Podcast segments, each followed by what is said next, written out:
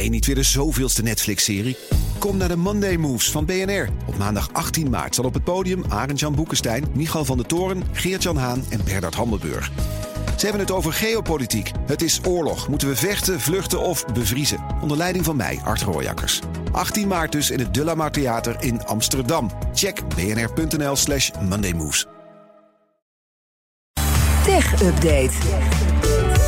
Ja, niet alleen in de EU, maar ook techreuzen zoals Apple en Meta worden harder aangepakt door de Britse marktwaakhond. En dat komt Jo van Buurik ons vertellen in de Tech Update. Hey, Jo. Lisbeth en Kees, hallo. Vertel, wat, wat wil die Britse marktwaakhond? Nou, de Competition and Markets Authority wil echt wat gaan afdwingen. Die wil namelijk de huidige verdeling van de macht. Want dat is eigenlijk best wel een eh, ja, verhaal dat op slot zit. Op de digitale markten openbreken. We kunnen het uittellen. Hè? Google heeft de zoekmachine en YouTube. Apple heeft de App Store. Amazon het webwinkelen. En Meta natuurlijk met social media en chat apps. Zo hebben ze de stukjes van de taart Ja. een beetje verdeeld. Dus werkt die CMA aan plannen om het beschikbaar maken van data door die partijen richting anderen af te dwingen. Dat blijkt uit een document dat vandaag is gepresenteerd door het hoofd van die waakhond, Sarah Cardell. Daarmee moet ook ja, eigenlijk voorkomen worden dat die techreuzen steeds hun eigen producten voorkeur kunnen geven als het gaat om gebruikers binnenboord houden. Dat moet wat meer vrij gaan worden.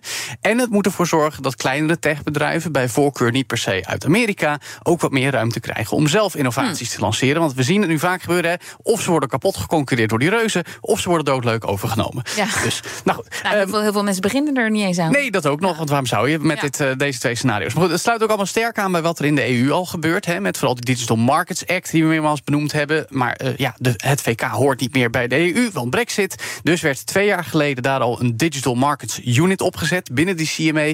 Die moet dus ook. Ja, dat ook wel weer. Maar goed, die moet dus ook die digitale economie meer gaan beteugelen. En ook tegelijkertijd openwrikken. Grote techbedrijven worden dan aangemerkt eh, als ze voldoen aan bepaalde eisen. In de EU noemen we dat dan gatekeepers.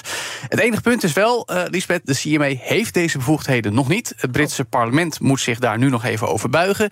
Als het wel eenmaal van kracht is, willen ze drie tot vier onderzoeken per jaar gaan uitvoeren. En dat moet je een beetje vergelijken met hoe ze afgelopen jaar die overname van Activision Blizzard door Microsoft Ja. even wisten tegen te houden. Om hem later alsnog goed te keuren. Maar ze hebben ook al gezegd dat ze de miljardeninvestering van hetzelfde Microsoft in OpenAI tegen het licht willen houden. Ah, ze zijn druk bezig daar. Jazeker, ja, ja. We gaan daar vast nog een hoop van horen de komende jaren. Dan gaan we naar Google, want dat, nou, of weer naar Google, want Mm. dat heeft, gaat de slimme assistent een stukje eh, dommer maken. Ja, dat is jammer. En het gevolg van de ontslagen bij Google, daar vertelde collega Maxime vanochtend over in de Tech Update, gaat om zeker zo'n duizend mensen verspreid over verschillende divisies bij Google. Waaronder de Google Assistant, de tegenhanger van Apple's Siri en Amazon Alexa. En bepaalde functionaliteiten die eh, bij de versie van Google uitgeschakeld gaan worden, mede omdat mensen die daarmee bezig zijn het bedrijf moeten verlaten.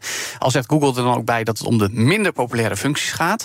Bijvoorbeeld met spraak een e-mail of audio- audiobericht sturen, een aanpassing doen in je Google Agenda. Of eh, ja, met spraak eh, vragen en horen wanneer je vlucht vertrekt.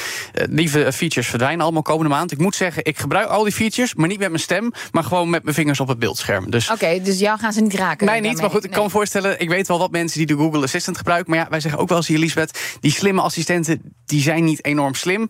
Want Nee, zeker ja, niet. bepaalde stemcommando's, die begrijpen ze dan weer niet. Je moet het vaak toch vrij precies doen. Nou, ze bestaan al heel wat jaren. Maar ja, juist met de AI-hype waar we nu al een tijdje in zitten... is de belofte dat ze binnenkort wel echt slim gaan worden... en werken op de manier zoals het ChatGPT nu al meer dan een jaar Hmm. Maar niet bij. Google dus. Nou ja, dat is de, denk ik nog steeds wel de verwachting. Want ze hebben natuurlijk hun AI-chatbot Bart al een hele tijd geleden gepresenteerd. Willen ze ook verbeteren. En die moet dat soort functies die dan nu verdwijnen uit, ja, noem het de oude Google Assistant, vast weer een nieuwe en betere invulling gaan geven. Maar dat horen we denk ik later dit Ja, dat is misschien ook wel het begin, hè, dat we straks echt een, een AI-assistent, een persoonlijke krijgen die zoveel van je weet, dat hij daadwerkelijk ook een goede assistent Ja. is. Maar willen we dat? dat Precies, Kees. Willen we wel zo'n slimme assistent als die, Die alles, alles echt van je van je weet. weet? Ze weten al alles van ons, maar dan weten ze nog meer all the time.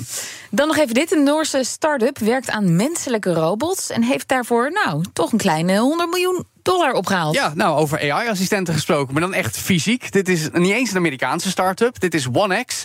Vroeger heette die Halody Robotics. Bestaan ook al bijna tien jaar. En ze werken dus aan iets wat echt ja, voor ons beeld uit sci-fi films Ja, komt. wat is een menselijke robot? Nou ja, hij heet Neo. Zoek hem maar eens op online als je toevallig Oké. achter je computer of met je smartphone zit. 1X Neo. Nou, dan zie je dus een androïde, een menselijk ogende robot in een ja, soort zwart-wit trainingspak. Die jou dus kan helpen bij het uitvoeren van huishoudelijke taken. Eeuw, ik zie hem nu. Ja, Ik vind hem doodeng. Een Ja, inbreker in je gezicht huis. is wel een beetje eng inderdaad ook. Nou, je kan je Er ook is een soort vragen, van morphsuit aan, joh. Dat ook inderdaad. Willen we het überhaupt? Nou, ze hebben daar bij NX ook al Eve, maar die heeft wieltjes. Die is ook wel interessant. EVE. Die wordt gebruikt voor surveillance door bedrijven eh, ja, en eh, winkelcentra, dat soort dingen. Maar goed, Neo is dus echt bedoeld om je in huis te helpen. Nu is daar 100 miljoen dollar voor opgehaald dus om hem verder te ontwikkelen. Onder meer door de investeringstak van Samsung, ook Noorse investeerders. Vorig jaar werd er ook al 23,5 miljoen binnengehaald. Toen geleid door, jawel, OpenAI, bekend van ChatGPT. Er zijn natuurlijk meer bedrijven die dit soort robots ontwikkelen. Denk aan Boston Dynamics met robothond Spot. En Elon Musk, die wil het ook nog steeds bij Tesla met de Optimus bot. Maar zien jullie het al voor je? Een eh, huishoudelijke Nou, ja, hulp op zich, androïde? Op zich, mijn vriendin eh, klaagt nog wel eens dat ik eh, er wat lang over doe om de vaatwasser in te ruimen. Kan Ja. niet dat? Nou ja, en, en de hoop is natuurlijk dat Neo wat meer zijn mond houdt dan jij als de vaatwasser ingepland wordt. Maar even serieus, Joe. Ik hoor al zo lang, echt al decennia, over robots die ons huishoudelijke leven, nou ja, om te beginnen, makkelijker gaan maken. Maar ze zijn er nog steeds niet. Nou ja, Nog deze 100 miljoen moet helpen. ja maar oké. nou, ik ben benieuwd of dit, of dit echt ontwikkeld wordt, of Ik het ook. allemaal lukt. Ja. En of mensen het ook gaan afnemen. Laten we eerst maar zien of die AI-assistenten op onze telefoons en dergelijke komen. En dan ook nog als mensen eruit gaan zien. Dankjewel, Joe van Buurik. De BNR Tech Update wordt mede mogelijk gemaakt door Lenklen. Lenklen. Betrokken expertise, gedreven innovaties. Hoe maak ik van ons VMware-platform een on-prem AI-platform? Lenklen. NVIDIA AI Enterprise Partner. Lenklen. Betrokken expertise, gedreven innovaties.